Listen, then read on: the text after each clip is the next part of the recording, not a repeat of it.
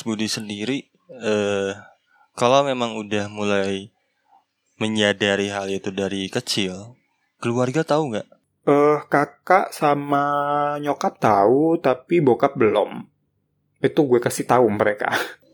Terus responnya gimana? Kakak tuh gue kasih taunya waktu pas gue masih pacaran. Itu 2017 pertengahan apa ya? Gue kasih tahu karena gue waktu itu eh uh, pertama pertama apa kedua kali ya? Pertama kali deh, pertama kali postingan sama temen-temen dan ada pacar gue di situ dan waktu itu captionnya intinya bawa-bawa boyfriend gitu lah. Nah, uh, sebenarnya tanya duluan itu temennya kakak gue gitu. Dia nanya ngejapri gitu, Bud kok ini di postingan Instagrammu captionnya boyfriend ya gitu. Terus aku bilang, ya karena memang di situ ada pacarku gitu. Aku bilang langsung belak-belakan oh. aja. Terus terus kayak cuman beberapa menit setelah itu aku kepikiran kayak aduh daripada nih kakakku tahu dari temennya mending aku kasih tahu sendiri deh. Gitu. Terus akhirnya ya gue whatsapp lah kakak gue gue japri. Terus gue nggak tahu waktu itu reaksi dia gimana.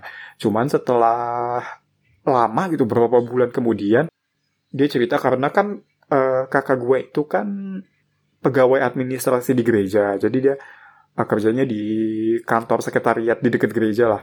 Terus uh, setelah tahu itu ya dia ke gereja nangis-nangis sambil berdoa gitu katanya. Tapi itu gue taunya beberapa bulan kemudian ya waktu waktu pas uh, gue yang ngomong langsung itu gue nggak tahu reaksi dia. Kalau nyokap itu gue ngasih taunya pas gue udah putus justru waktu itu kan udah akhir tahun 2017 ya Desember.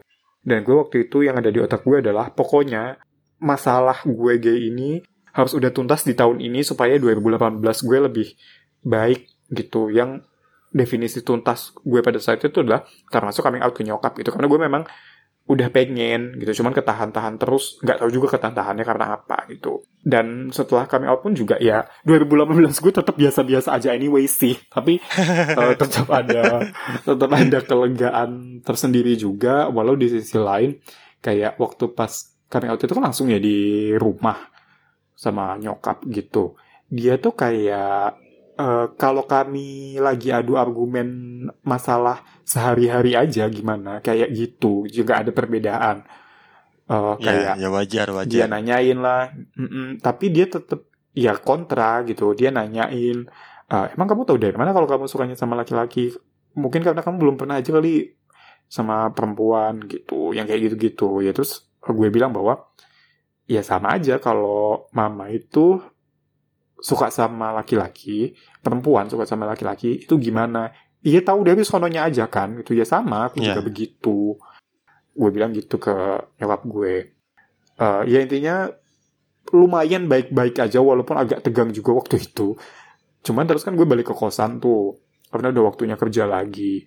Terus ya besokannya nyokap telepon sambil nangis-nangis gitu, bahwa intinya kayak uh, gue lupa dia bawa dosa nggak ya? Pokoknya intinya dia nggak nggak nggak nggak rela nggak terima dan uh, terus nanti kalau kenapa-napa gimana gitu ya. Terus akhirnya gue jelasin lah bahwa ya gue sih bahwa intinya gue sih bahagia bahagia aja uh, hidup gue tenang aja dengan kondisi gue yang seperti ini. Kalau misalnya gue kenapa gue tahu caranya jaga diri gimana. Kalau nanti kenapa-napa gue harus ke mana gue juga tahu gitu karena kan di titik itu juga gue udah ada teman-teman dari LSM gitu gue udah follow sosial media ini itu yang berguna buat gue gitu. Jadi kalau amit-amitnya ada kenapa-napa terkait soal seksualitas gue gue tahu harus ke mana emang gitu. Ya udah tau lah cara mengatasinya seperti apa ya. Hmm. cuman yang repot tuh repot nggak ya? Cuman iya repot. Menurut gue itu rada repot tuh uh, setelah agak lama justru karena gue pulang ke rumah itu kadang masih suka di pancing-pancing gitu loh obrolan soal nikah sama perempuan lah, soal nanti berpasangan sama perempuan lah, gitu. Yang itu gue diemin aja karena jujur gue capek kalau misalnya harus ngingetin lagi kayak mah aku kan gak suka sama perempuan gitu. Gue bilang kayak gitu doang tuh capek gitu loh. Kayak yeah, yeah, gue udah cerita sekali gitu kayak udah gitu jangan denial gitu. Itu yang gue masih agak-agak bikin repot menurut gue karena bikin repot uh, secara mental gitu karena mental gue jadi down gitu. Yeah. kan gue, gue kayak kalau balik ke rumah kan pas lagi libur ya jadi tuh namanya libur kan maunya istirahat gitu. Kalaupun sama quality time sama keluarga juga ngobrolinnya ringan-ringan gitu. Nggak kayak gini, nggak ngomongin soal apa denialnya orang tua gini gitu. Gue capek kalau harus jelasin itu gitu. Ya ya sama aja kayak gue kalau disuruh nikah sih pas kemarin-kemarin sebelum nikah. Iya kan jadi harusnya di rumah tuh tenang malah karena ada pertanyaan-pertanyaan tuntutan tuh jadi uh nggak bisa bener-bener tenang ya di rumah. Betul, betul sekali.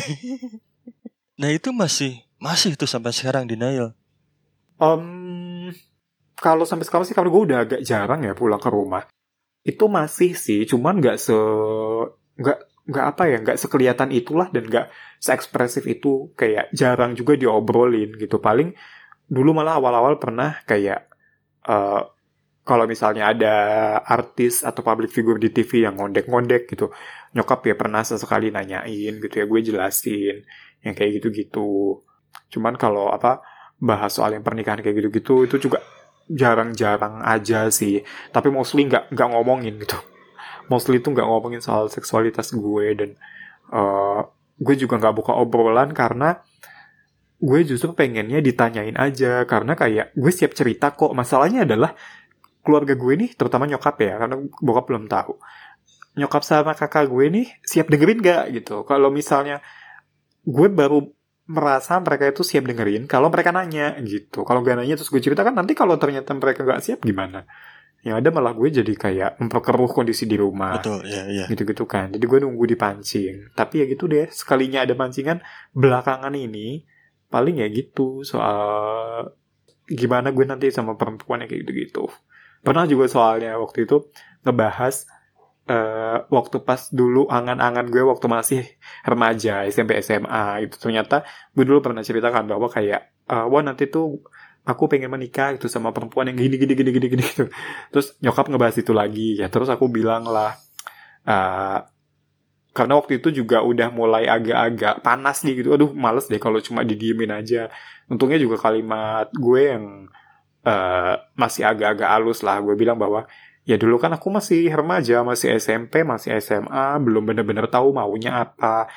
Buat sebenarnya aku udah tahu gitu bahwa aku sukanya sama laki-laki juga. Tapi masa iya mau aku ceritain waktu pas aku umur segitu?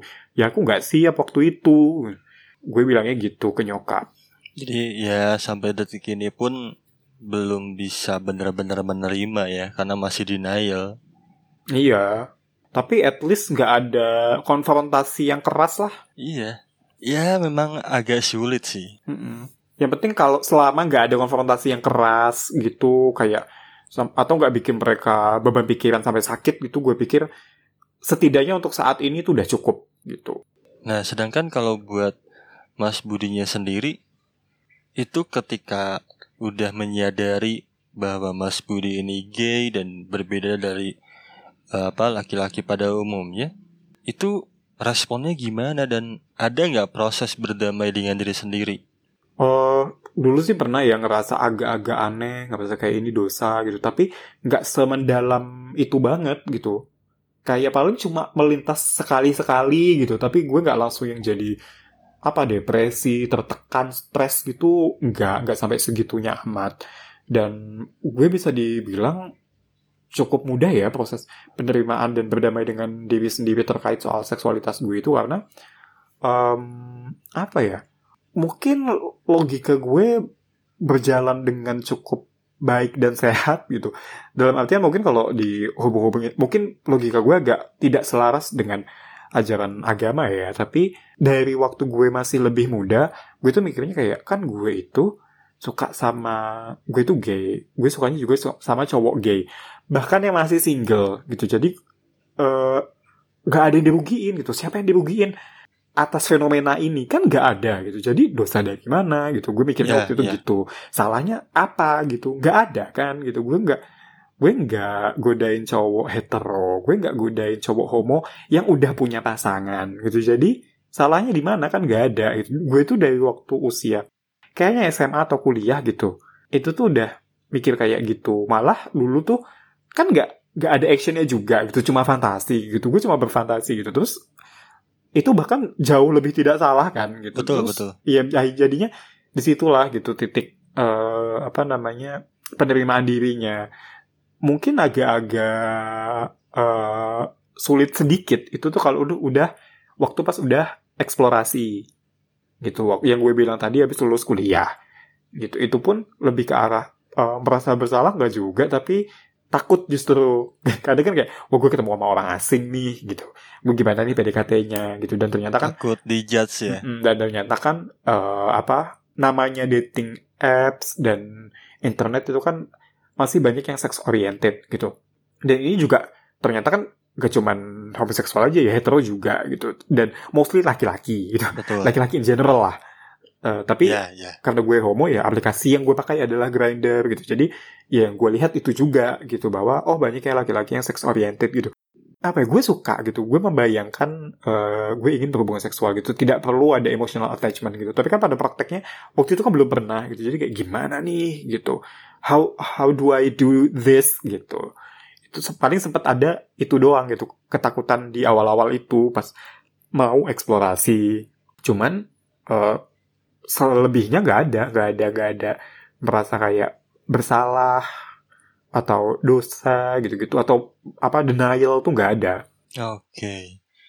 karena mungkin gini Mas Bud, alam bawah sadar Mas Budi menganggap hal itu bukan sebuah masalah juga, gitu nggak sih? Mm -mm, emang, iya. Kayak ya kayak tadi gue bilang itu karena gue merasa nggak ngerugi siapa-siapa. Iya iya dan dan uh, kalau tadi bilang Mas Budi sejak lulus kuliah ya mulai mengekspresikan hmm. itu sebetulnya apa uh, triggernya Mas Budi untuk ibaratnya membuka identitas diri Mas Budi sebenarnya ke orang lain atau mungkin hmm. di medsos terus gimana cara Mas Budi menghadapi respon orang lain? Om dulu tuh gue kayaknya spontan aja deh. Dan beberapa teman-teman yang gue tahu itu juga ketika memutuskan untuk being open tuh rata-rata banyak yang jawabannya kayak gitu. Kayak apa ya triggernya itu kayaknya gue emang karena mau aja deh gitu. Justru banyak orang yang ketika merencanakan itu gue pengen deh. Itu selalu dilanjutkan dengan tapi gimana ya? Ujung-ujungnya nggak jadi. Oh. gitu sedangkan yang mereka jadi open itu tuh ternyata spontanitas aja waktu itu kasus gue kalau nggak salah inget tuh begitu jadi pertama kali itu tahun 2013, 14 atau 15 lah. Rentang tiga tahun itu. Antara tiga tahun itu lupa. Itu itu ke teman kantor dan waktu itu uh, kayak ya ngobrol biasa tapi temanya seputar gender dan seksualitas in general gitu. Nah bukan itu kayak wah ini kayak timingnya tepat karena temanya topiknya lagi ini. Terus ya udah gue coming out sekalian aja gitu. Pada saat itu gue coming outnya sebagai uh, bisexual kayak jujur gue nggak ngerti kenapa gue uh, nggak begitu ngerti kenapa gue coming outnya sebagai bisexual. Cuman mungkin karena kayak gue merasa uh, itu mungkin lebih mudah diterima gitu sama orang lain ketimbang kalau gue langsung frontal gay gitu. Karena kan kayak setidaknya gue masih suka cewek gitu dalam tanda kutip. Iya, iya, iya. Padahal mah kayak ya, padahal mah kayak iya, mungkin iya tapi tidak sexually gitu gitu. Dan romantically juga mungkin ah dikit banget gitu. It's almost impossible gitu. At this point apalagi ya gitu. Tapi kalau ngomongin romantik kan biasanya kalau yang biasa nulis puisi romantik banget. Iya tapi kan nggak nggak ke perempuan. Iya juga ya. Gitu ke laki-laki. Dan apa? Terus setelah itu tuh kalau yang di medsos itu karena setelah gue terus punya pacar dan dan pacar pertama gue itu kan juga dia orangnya open banget gitu. Gue nggak bisa gue bukan gak bisa ya gue nggak mau lah jelasin detailnya. Intinya dia adalah orang yang open banget segitu opennya sampai nggak mungkin lagi dia untuk jadi orang yang tertutup terhadap seksualitasnya dia. Intinya itu. Jadi gue pikir kayak uh, ya udah gue bingung open sekalian aja deh gitu. Jadi spontanitas juga lagi-lagi. Kendalanya itu uh, gue dijudge sih enggak dan gue kehilangan temen sih enggak karena teman gue juga dari awal udah sedikit anyway gitu. Dan ternyata uh, justru gue semakin tahu kualitas temen gue kayak gimana karena ternyata dari sedikit temen yang gue punya itu setelah tahu gue gay gak ada yang berubah gitu. Iya yeah, iya. Yeah. bahkan ad, bahkan ada yang nggak kaget terus gue sampai bilang oh kok kok lo gak kaget sih? Kaget dong gitu. Biar ada dramanya dikit-dikit gitu. Sampai gitu sampai ada yang nggak kaget. Karena uh, Mas Budi kan ngebukanya setelah lulus kuliah dan kebetulan mungkin ketemu orang-orang yang pas dan emang udah open minded gitu. Hmm. Enggak karena gue juga pernah cerita ke uh, ini ke teman-teman teater kampus gitu jadi kan kami ada grup WhatsAppnya tuh terus ya intinya waktu itu bahas dating apa dan terus ada temennya tem temennya kakak tingkat gue yang uh, bilang gitu intinya uh, cerita bahwa temannya dia itu suka main grinder gitu. Ternyata temennya kakak tingkat gue itu adalah gay gitu. Terus ya gue bilang lah pada saat itu emang timingnya pas juga gitu. Sama obrolannya di chat itu gue bilang bahwa wah di grinder sih uh, agak susah ya kak kalau untuk cari uh, apa pacaran gitu. Karena banyak yang sex oriented gitu terus dia bilang kok lo tahu gitu tahu kan aku pakai gue bilang gitu jadi kayak casual aja gitu masuknya kayak nggak ada problem aja gitu ya Mm-mm. Jadi karena ada temanya itu ya udah Terus juga beberapa kali kalau setelah setelah coming out itu kan akhirnya gue tuh gue public publicly out kan. Iya. Jadi secara terbuka gue uh, menyatakan bahwa diri gue gay, gue nulis-nulis tentang gay di medsos mana-mana gue sebarin. Terus kalau di real life-nya itu ya gue nggak sampai nyebutin orientasi seksual gue tapi kalau misalnya ada teman-teman ngobrol soal dating gitu ya gue nimbrung-nimbrung aja gitu dengan pengalaman gue uh, tanpa perlu menyebutkan gendernya gitu. Toh mereka juga pada tahu kok gitu gender uh, yang gue kencani itu yang kayak gimana gitu. yang adalah laki-laki. Itu tanpa perlu disebut juga ada kesamaannya kok gitu. Namanya dating ya dating gitu. Cuma beda gender aja gitu. Jadi yeah, yeah.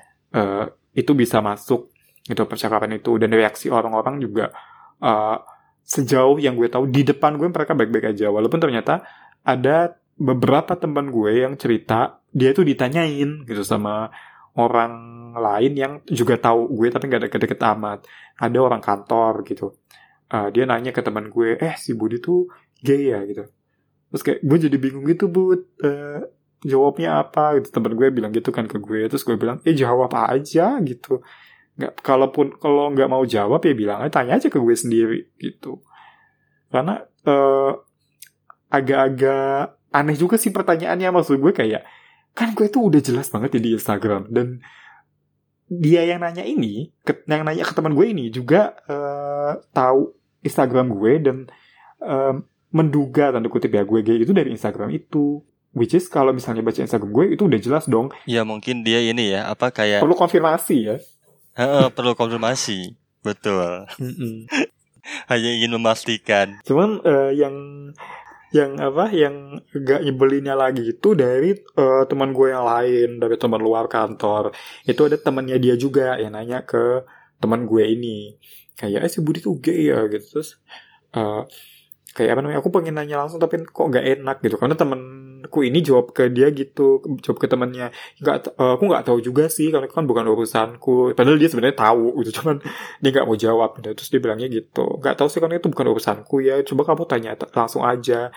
Terus temannya itu bilang ke ke dia aku agak gak enak juga sih kalau nanya gitu. Terus akhirnya gue gue bilang lah ya kalau dia nggak enak nanya ke gue langsung kenapa dia nanya ke lu sih? Gitu. Iya iya benar benar benar kalau nggak enak nanya langsung ya jangan nanya ke lu. Nggak ya nggak usah ditanya gitu kalau nggak enak nanya.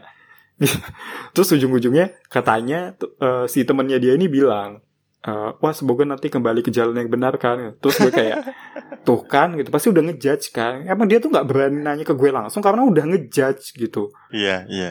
Dan kalau dia nanya ke gue langsung pasti gue langsung gue semprot gitu udahlah emang kayak gini-gini tuh uh, sebaiknya nggak usah ditanyain aja sih bagus lah dia nanya ke lo doang gitu nah kalau ngelihat itu berarti ada dong diskriminasi dari orang sekitar kan dari uh, tadi sih gue merhatiinnya mm, tapi itu, kebanyakannya nerima ya mm -mm, itu bukan di gue nggak bilang mereka tuh orang sekitar sih karena ya nggak deket sama gue Oke. Okay. Cuman tahu nama, cuman orang dari masa lalu, masa lalu yang jauh banget gitu loh. Yeah, yeah. Dan itu juga sebenarnya ya kayak teman SMP, teman SMA gitu kan udah berapa belas tahun yang lalu ya. Dan itu juga kalaupun teman SMP, teman SMA tuh bukan yang deket-deket banget gitu, enggak gitu. Jadi gue nggak bilang itu orang sekitar gitu dan kalau orang sekitar yang mana adalah ya teman-teman deket gue gitu, sahabat-sahabat itu nggak ada sih diskriminasi kayak gitu-gitu. Mungkin karena gue juga sekarang tinggal di Jakarta di kota besar gitu, jadi uh, privilege lah terus juga bidang kerja gue juga di media gitu which is stereotypically katanya banyak ya di situ walaupun nggak juga sih tapi mungkin lebih ramah dibanding uh, dengan bidang kerja yang lain gitu Iya ya, kenapa gue nanya di, di gitu? media industri kreatif gitu tuh Betul betul. Kenapa gue nanya ke arah situ? Karena kan sebetulnya ya eh, kalau ngomongin peraturan di negara kita di undang-undang dasar kan kayak masih abu-abu gitu. Kalau menurut gue nggak ada eh, UU yang melindungi LGBT dari diskriminasi. Sedangkan kalau ngelihat eh, undang-undang yang lain itu kan dibahas sedikit di ini hak asasi manusia kalau nggak salah. Nah kalau Mas Budi ngelihat itu gimana Mas Budi? kalau bicara soal hukum sih agak agak-agak ribet sih emang karena kalau ya dari pembukaan Undang-Undang 1945 aja kan kayak melindungi setiap warga negara Indonesia kan. Dengan katanya setiap warga negara Indonesia kan berarti ya apa pun labelnya. Betul. gitu kan. Cuman memang sebenarnya perlu ada uh, hukum khusus juga. Karena penindasan yang dialami orang LGBT itu juga khusus gitu loh. Kayak ada penindasan yang emang ditargetkan khusus buat teman-teman LGBT ini. Tuh yang mana orang hetero tidak dijadikan target gitu terhadap diskriminasi hanya karena orientasi seksual mereka atau identitas gender gitu kan nggak ada gitu. Makanya gue bilang ini khusus.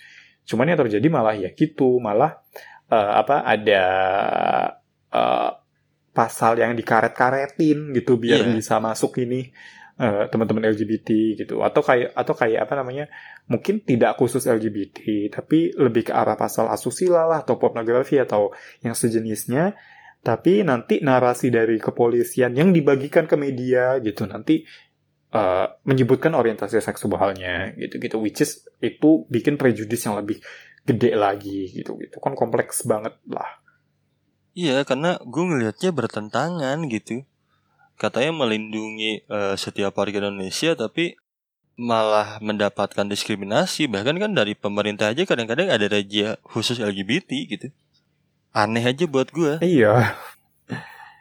Tapi yang paling ini sih paling kasihan tetap teman-teman trans ya, karena kan kayak pernah ada razia salon lah, terus digundulin lah, gitu-gitu. Iya sedangkan ya semua orang kan punya hak gitu. Mm-mm. Dan sebenarnya razia seks gitu-gitu, apalagi razia ke hotel, ke kos-kosan, itu tuh tetap salah bukan hanya buat teman-teman hetero bukan hanya buat teman-teman homo tapi teman hetero juga karena kan kalau udah di kosan dan di hotel itu kan ruang privat namanya karena buat orang menuju ke sana tuh bayar gitu Iya betul. jadi lu mau cowok cewek mau cowok cowok nggak ada hak untuk eh, aparat penegak hukum itu ngerazia itu itu karena kayak eh, kecuali kecuali kalau misalnya lu nyewa eh, kamar di hotel atau kos-kosan terus terjadi pembunuhan gitu waduh itu mah Beda atau cerita narkoba dong. gitu itu kan iya. mungkin udah melanggar hukum Ah, ah. banget iya kan karena kan eh, apa namanya ada kerugian yang nyata di situ lah kalau misalnya ini eh, berhubungan seksual gitu kan sama-sama enak konsen Iya, bukan pemerkosaan gitu betul. jadi dan dan sekali lagi itu di ruang private itu melanggar hukumnya di sebelah mana kan itu mau homo mau hetero tuh tuh tuh nggak salah harusnya Iya ya. Ya aneh aja kalau polisi gerbek gerbek Ya walaupun kalau narik lebih jauh sih sebetulnya emang banyak pasal karet di Indonesia ya. Kayak Hmm. mereka pengen eh menganut negara Islam tapi menurut gue kurang tegas juga gitu.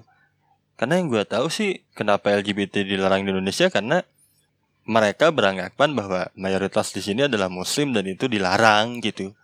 Sedangkan Hmm. ada pasal yang agak membela nih dari HAM gitu. Jadinya bertentangan banget gitu kan. Jadi lucu Iya. buat gua. Memang Indonesia tuh masih negara yang mencoba religius ya. Tapi sebenarnya uh, di titik ini harusnya kita semua sadar bahwa negara itu bukan cuma Indonesia ya, negara itu tidak cocok jadi religius. Religi ya religi, negara ya negara. Negara adalah ya tata negara, hukum gitu-gitu yang beberapa di antaranya itu akan sulit peraturannya untuk bisa selaras dengan agama gitu. Betul. Karena kan nggak mungkin Ya, juga we ya. can only try so far, tapi nggak akan bisa plek-plek. Iya, sama. iya, karena nggak mungkin juga kan memisahkan si LGBT ini dalam satu negara doang ngumpul di situ. kan konyol Iya, lagian kan eh, agamanya banyak. Agama mau mau agamanya yang mana yang diambil? gitu. Iya, Kalau cuma kan? satu doang, nanti yang lain gimana kesejahteraannya? Belum yang eh, apa penganut kepercayaan. ya ya ya memang sulit sih kalau ngelihat ke hukum Indonesia ya tapi gue pengen nanya nih mungkin ini buat terakhir ya kalau dalam Hmm. mencari pasangan struggle-nya Mas Budi gimana sih mencari pasangan Em, mungkin kurang lebih sama dengan yang dialami sama teman-teman LGBT, khususnya terutama specifically gay. Itu ya struggle-nya adalah karena kan kami belum seterbuka itu ya. Mungkin gue udah, tapi kan generally speaking kan belum gitu. Gak Betul. semua orang seterbuka gue. Sedikit banget bahkan. Itu kan. Jadi kayak kami nggak bisa kayak teman-teman hetero yang dicomblangin sama temennya gitu atau ketemu di kondangan gitu-gitu kan nggak bisa. Atau kayak lagi di acara nobar festival film apa nih terus tiba-tiba kenalan terus jadian gitu nggak bisa semudah itu. Mungkin ada satu dua kasus yang berhasil dari situ tapi generally speaking nggak semudah itu. Kecuali mungkin kayak eh, apa acara-acara kekinian yang stereotypically itu banyak yang datang tuh teman-teman gay gitu. Mungkin itu bisa lebih berhasil, tapi kan uh, mostly masih banyak di antara kami itu yang bergantung sama uh, dating apps ya atau media sosial lain termasuk Twitter dan Instagram itu juga bisa sih kadang. Itu nah uh, itu juga ketemunya kan susah. Itu dan masih banyak yang sex oriented itu tadi. Sekali lagi sex oriented juga nggak hanya eksklusif untuk orang homo orang hetero juga gitu. Kalau udah uh, di dating apps tuh gitu. Jadi makin susah juga itu. Terus juga masih banyak di antara kami itu yang berpegang sama nilai-nilai heteronormativitas. Maksudnya nilai-nilai orang hetero yang diadopsi ke homoseksualitas kita gitu. Jadi misalnya kayak tadi pertanyaannya eh, Mas Rama tentang siapa cowok siapa cewek gitu. Nah itu Betul. tuh dari teman-teman gay aja masih dibawa gitu loh. Kayak apa namanya uh, oh oke yang bottomnya itu berarti uh, eh bukan jadi kayak yang topnya itu harus yang maskulin harus bisa antar jemput gitu mengambil peran laki-laki. Yang bottom itu boleh manja boleh kayak uh, diboncengin, dijemput, dibayarin gitu-gitu, mengambil peran perempuan seolah-olah. Padahal teman-teman hetero aja itu kan udah mulai banyak ya kelihatan yang uh, oke nih coba kita lebih setara gitu. Narasi itu kan udah mulai betul betul betul kuat bermunculan ya. Sedangkan teman-teman homo itu masih banyak yang begitu. Dan nggak bisa disalahin ke kelompoknya juga karena eh apa? Ya gitu kami saling sulit menemukan satu sama lain. Jadi mau belajarnya juga susah. Yang sering terpapar di eh, ke kami itu adalah ya kulturnya teman-teman hetero. Jadi kami tinggal kayak eh, ngambil aja nih terus diaplikasikan mentah-mentah. Gitu padahal beda. Oh iya iya iya. Gitu kan jadinya susah. Kalaupun ada kalaupun ada masih ada yang karena oh namanya gitu sama-sama laki-laki. Berarti dua-duanya itu nggak boleh ada yang kemayu nggak boleh ada yang feminin gitu. Dua-duanya harus maco harus maskulin gitu-gitu itu juga masih banyak yang kayak gitu. Walaupun udah mulai bermunculan juga di era internet ini eh, yang mengcounter narasi kayak gitu. Kayak di Twitter tuh kalau misalnya ada eh, teman-teman homo yang mulai wah masa top manja sih? gitu-gitu. Itu yang nyerang udah mulai banyak gitu yang mulai adu argumen itu banyak gitu. Bahwa kayak "Ah, ribet amat sih lo jadi homo gitu. Udah udah kita dipinggirkan sama masyarakat kebanyakan lu masih meminggir meminggirkan teman-teman lu sendiri gitu. Udah mulai kayak begitu ada trennya. Cuman ya itu masih bukan kasus umum sih kalau gue liatnya. Di kota besar mungkin itu fenomena yang udah mulai terbangun dan kelihatan. Kayak kesetaraan antara eh, laki-laki yang feminin dan maskulin dalam skena gay. Tapi kalau di daerah ya wah belum tentu tuh karena kan ya mungkin orangnya lebih sedikit mungkin lebih tertutup mungkin lebih konservatif gitu dan karena homogen masyarakatnya. Kalau Jakarta kan banyak pendatang jadi mungkin lebih tercampur baur. Benar, benar. Gitu. Dan ini juga perkotaan aksesnya apa-apa mudah. Uh, gay spot banyak gitu-gitu. Jadi mungkin lebih uh, gampang memahami perbedaan. Kalau di uh, daerah-daerah mungkin agak lebih sulit. Iya. Yang kayak gitu. Sulit gitu. banget. Kalau struggle struggleku pribadi uh, paling kurang lebih ada juga yang kayak gitu-gitu uh, sedikit-sedikit. Cuman uh, mungkin masalahnya lebih ke personal aja kayak orang dengan orientasi seksual apa pun nggak nggak eksklusif karena ini homoseksualitas jadi kayak ya bahwa gue masih insecure masih uh, merasa gue belum pantas untuk pacaran sama orang gitu-gitu. Terus kayak eh uh, apa ya?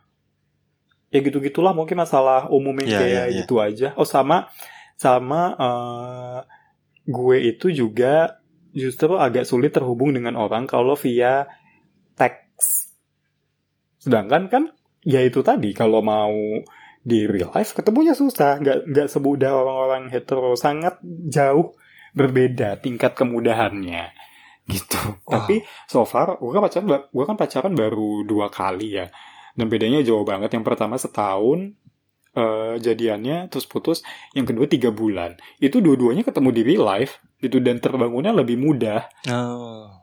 walaupun yang pertama itu dicomblangin orang sih. Comblangin orang dulu via gadget. Cuman besokannya ketemu terus habis itu ketemu ketemu ketemu ketemu gitu. Jadi eh, ada peran dari eh, people in real life lah. Waktu itu soalnya gue dikenalin sama teman gue yang juga gue kenal di real life gitu. Jadi tanpa perantara dating apps gitu. Nah nah terus mantan gue yang kedua itu juga kenalnya malah tanpa dikenalin temen. Waktu itu ya kayak ketemu on the spot aja hangout bareng gitu terus deket dan jadian gitu. Nah kendala gue di situ mungkin kalau uh, orang-orang biasanya masih mengandalkan dating apps dan uh, internet atau media sosial gue masih uh, sangat bergantung pada dating face to face gitu apalagi di masa pandemi sekarang ini masih susah Iya.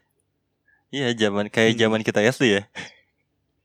Harus ketemu Iya. susah banget kayaknya. zaman zaman zaman iya apalagi eh, sekarang kan kita bukan anak sekolahan ya maksudnya kalau sekolahan kan Betul. itu wajib kita ketemu terus setiap hari itu kalau sekarang kan ya kita mungkin ketemu tiap hari sama orang yang sama di kantor tapi kan ya kalau menjalin hubungan romantis sama orang kantor aneh nggak sih kayak jangan kan ya homo hetero juga kayak bosen juga kali kalau pacaran sama Iya, iya. orang sekantor Betul, gitu betul. kan ntar kalau jadi menikah salah satunya atau malah dua-duanya harus resign gitu ribet gitu kan maka kan sempat Benar, ada benar. istilah eh i- sempat ada istilah don't shit where you eat kan artinya kalau di bahasa Indonesia Iya. mentah-mentah jangan berak di tempat lo makan gitu karena istilahnya kan kalau nanti lo berpacaran sama orang kantor kan kalau ada masalah nanti masalahnya ke bawah-bawah ke kantor gitu ribet kan Iya. nah Kalau nggak salah itu di PNS deh berlakunya. Nggak boleh kayaknya. Hmm, eh, di beberapa kantor swasta juga ada yang kayak gitu. Kalau boleh Oh, berlaku pacaran mah, tapi kalau udah menikah salah satu harus resign atau dua-duanya. Gitu. Di kantor gue sih gitu. Ya begitu tadi mungkin karena takut mengganggu uh, profesionalitas atau segala macam. Nah kalau sudah mau keluar yang sama kantornya beda juga itu lebih ribet gitu-gitu kan. Apalagi gue gitu kerja di media yang kalau tanggal merah masuk meskipun apa kalau kecuali itu buk jatah libur. Jadi kalau misalnya jatah libur di minggu gue jatah libur gue di minggu ini itu adalah nggak bertepatan dengan tanggal merah. Jadi pas tanggal merah gue tetap masuk gitu. Oh. Kayak belum tentu weekend juga liburnya, shiftnya kadang berubah gitu gitu. Nah, itu juga bikin susah untuk eh, kencan sama orang. Untuk ketemu Nah. ya.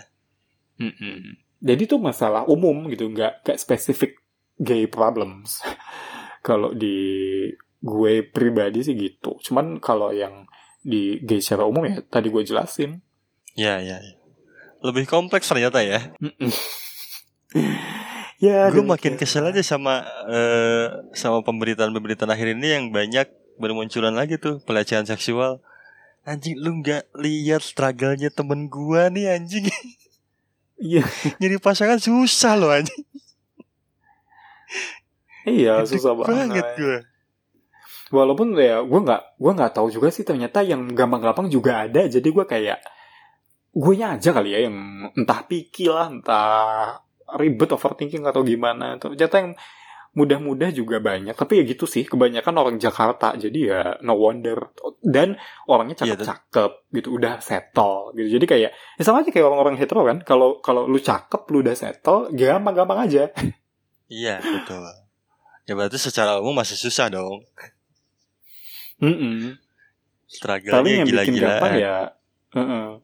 yang bikin gampang adalah ya faktor-faktor yang umum not not gay specific gitu Ya oke. Wah gila, thank you loh. Mas Budi udah mau ngobrol sama gue, thank you Iya banget. sama-sama Iya gue jadi keingetan barusan. Mas Budi kan udah pacaran dua kali ya. Mm-mm. Sekarang punya nggak? Nggak punya.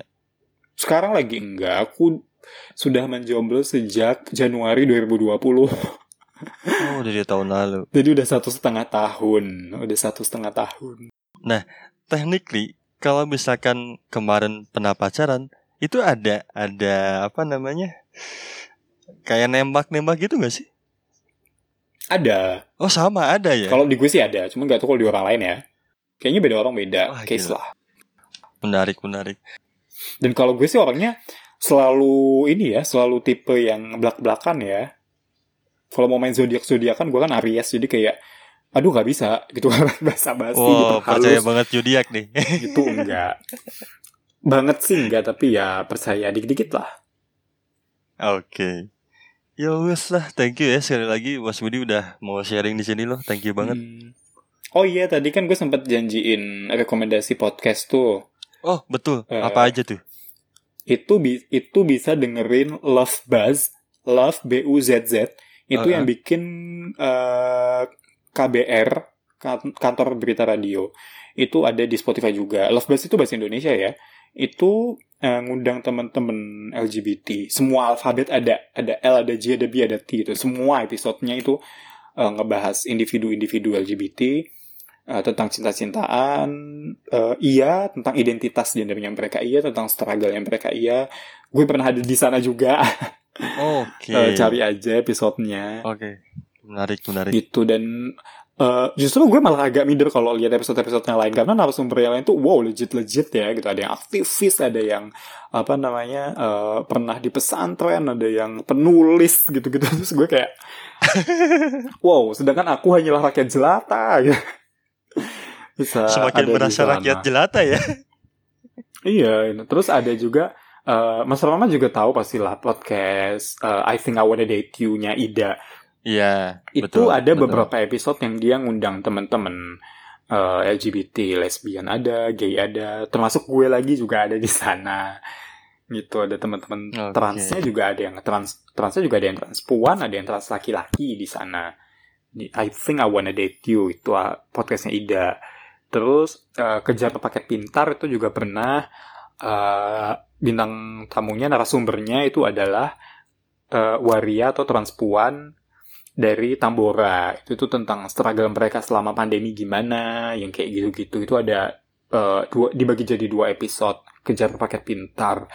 Terus ada lagi eh, ini podcast luar negeri yang itu sempat bikin pencerahan gue juga namanya Banyak juga ya. Food for Thought. Thoughtnya itu T-H-O-T. For-nya itu empat. Food, food for thought. Itu, eh eh, itu kebanyakan, itu tuh kayak gay dan eh, bisexual dan queer yang cowok-cowok semua. Mereka ngomongin soal ya isu-isu gay dan kadang eh, buku apa yang suka mereka baca karena kebanyakan dari mereka penulis. Tapi cuman itu bahasa Inggris dan mereka tanda kutip ya typical gay stereotypical gay. Jadi kalau ngomong itu cepet-cepet dan cerewet. Jadi kalau apa namanya bahasa Inggrisnya agak kurang lancar, mungkin akan kesulitan tapi bisa bu- buat belajar juga sih. Ya. Gitu. Ya, buat pendengar-pendengar Time Podcast silakan kalau misalkan mau mencari referensi lain ya. Siapa tahu Hmm. mau mencari tahu gitu dengan semua pertanyaan yang ada di kepala kalian. Hmm. Dan mungkin kalau ini buat sekalian pesan penutup kali ya boleh, boleh, boleh. buat buat teman-teman podcaster maupun teman-teman pendengar pada umumnya juga sih di sini. Kalau mau nanya-nanya soal LGBT mungkin lebih diperhalus lagi bahasanya atau kalaupun kayak eh, ragu-ragu apakah ini bahasanya bener atau enggak tanya aja ke orangnya langsung gue kalau nanya kayak gini tuh gimana ya gitu atau em, apa in- setidaknya intonasinya aja itu no judgment dulu sama kayak sekarang kan sumber informasi di mana-mana udah banyak jadi bisa Betul. searching di internet bisa searching di YouTube di podcast juga ada dan Betul. dilihat-lihat lagi dulu narasumbernya ini siapa nih gitu terus kayak sekalian eh, kalau misalnya lagi nonton atau dengerin itu dicoba di yang di dalamnya itu ada individu LGBT karena gue ser gue nggak sering sih. Gue pernah ya dengerin beberapa kali dan juga nonton. Itu ada orang ngebahas LGBT tapi individu LGBT-nya nggak ada. Oh Lu jadi kayak- ngomongin di lu belakang tuh aja gitu ya. orang ya jadinya. iya. Lu tuh jatuhnya kayak julitin Iya, iya. orang sebenarnya. Itu terus kayak kal nah itu kalau buat teman-teman yang content creator entah podcast atau YouTube kalau mau ngomongin tentang eh, homoseksual orang tentang orang-orang homoseksual ya hadirin orangnya gitu jangan cuman apa namanya kayak jatuhnya lo julid doang kalau kayak gitu atau kayak eh, ini Betul. kreatornya hetero. Terus yang ditanyain teman-teman hetero itu pernah ada tuh di YouTube. Kayak "Eh, gimana lo nerima LGBT nggak? Kalau teman-teman lo LGBT gimana gitu. Tapi nggak ada orang LGBT di situ yang ditanya. Gitu terus kayak jadi lo lo orang straight nanya ke orang straight tentang orang homo yang nggak ada orang homonya di situ kan nggak nyambung gitu itu aneh Nggak relate Tuh, gitu jadi- ya. Mm-mm, itu sama ya perbanyak ke referensi dulu sebelum mungkin nggak perbanyak tapi sedikit-sedikit aja deh satu dua gitu. Ya pemilihan kata dan pertanyaannya aja lah ya lebih halus ya. Mm-mm, Karena kalau nggak cari-cari tahu dulu nanti takutnya jatuhnya malah judgement dan cuman eh, kira-kira sotoy-sotoyan doang aja gitu. Ya, ya. Wah, gue juga jadi ini nih. Sorry kalau misalkan ada pertanyaan-pertanyaan yang agak kurang pas gitu didengarnya. Enggak sih kalau di kalau Mas Rama mah jujur nggak ada yang eh, melenceng atau menyinggung itu nggak ada. Karena kan tadi juga udah dikasih tahu dulu ya sebelumnya. Iya, iya, iya betul betul. Nggak ada sih. Toh gue juga sebenarnya orangnya kalau misalnya eh, ada yang gue nggak berkenan gue langsung bilang gitu pasti. Oke. Nah, ini gue nemu kata-kata menarik di tulisannya eh, Mas Budi buat terakhir kali ya. Hmm. Berhentilah menganggap orientasi seksual dan identitas gender kami buruk hanya karena segelintir individu. Dan berusahalah tidak menganggap diri kalian penting, spesial, dan menarik untuk kami ganggu. Wah gila bagus banget Paling itu terakhir juga dari gua Thank you sekali lagi buat Mas Budi Terakhir dari gua seperti biasa Bahagia sendiri buat apa? Rasa sendiri itu kan gak nyaman Gua Rama Cungkring dan Mas Budi pamit undur diri Bye bye, makasih Mas Rama.